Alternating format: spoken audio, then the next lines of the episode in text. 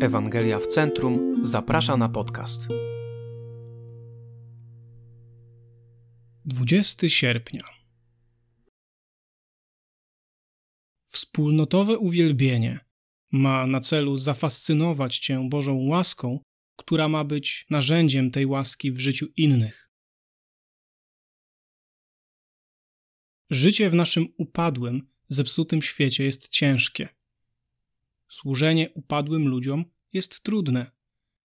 To wszystko doprowadza do wycieńczenia, zniechęcenia i przyjęcia odrobinę cynicznej postawy.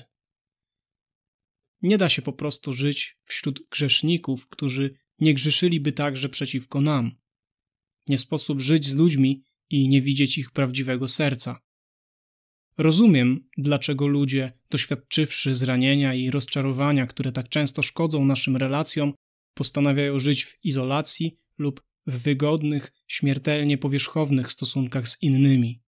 Rozumiem, dlaczego powtarzają sobie: Już raz się dałem nabrać i drugi raz na to nie pozwolę. Rozumiem, dlaczego pary postanawiają żyć w stanie długoterminowej, zimnej wojny, w której brak intymnej przyjaźni i jedności. Rozumiem, dlaczego usługujący postanawiają często żyć w funkcjonalnej izolacji od ciała Chrystusa.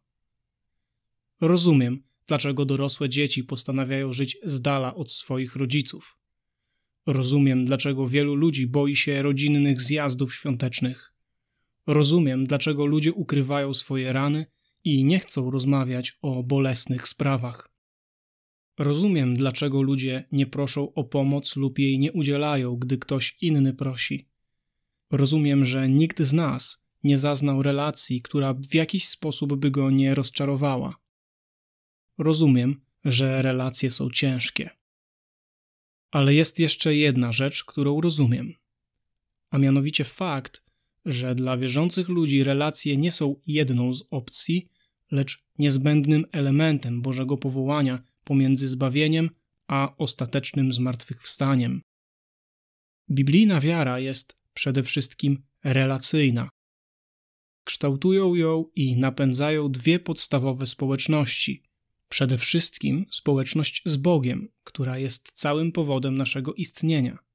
W społeczności ze Stwórcą znajduje się nasze życie, a ponadto jest jeszcze powołanie Boże, byśmy nie tylko żyli w zapierającej się siebie miłości bliźniego, lecz także byli Bożym narzędziem do pracy nad życiem i sercem bliźniego.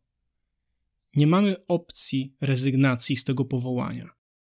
Jesteśmy stworzeniami relacyjnymi, powołanymi do wspólnoty z Bogiem i innymi ludźmi przez całe nasze życie.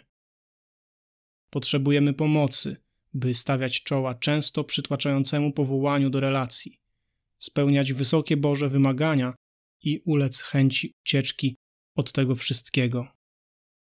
Częścią Bożego celu we wspólnym uwielbieniu jest właśnie korygowanie naszego postrzegania relacji, jeśli nie patrzysz na relację przez pryzmat Bożej niezwykłej łaski, to nie masz jej prawdziwego obrazu.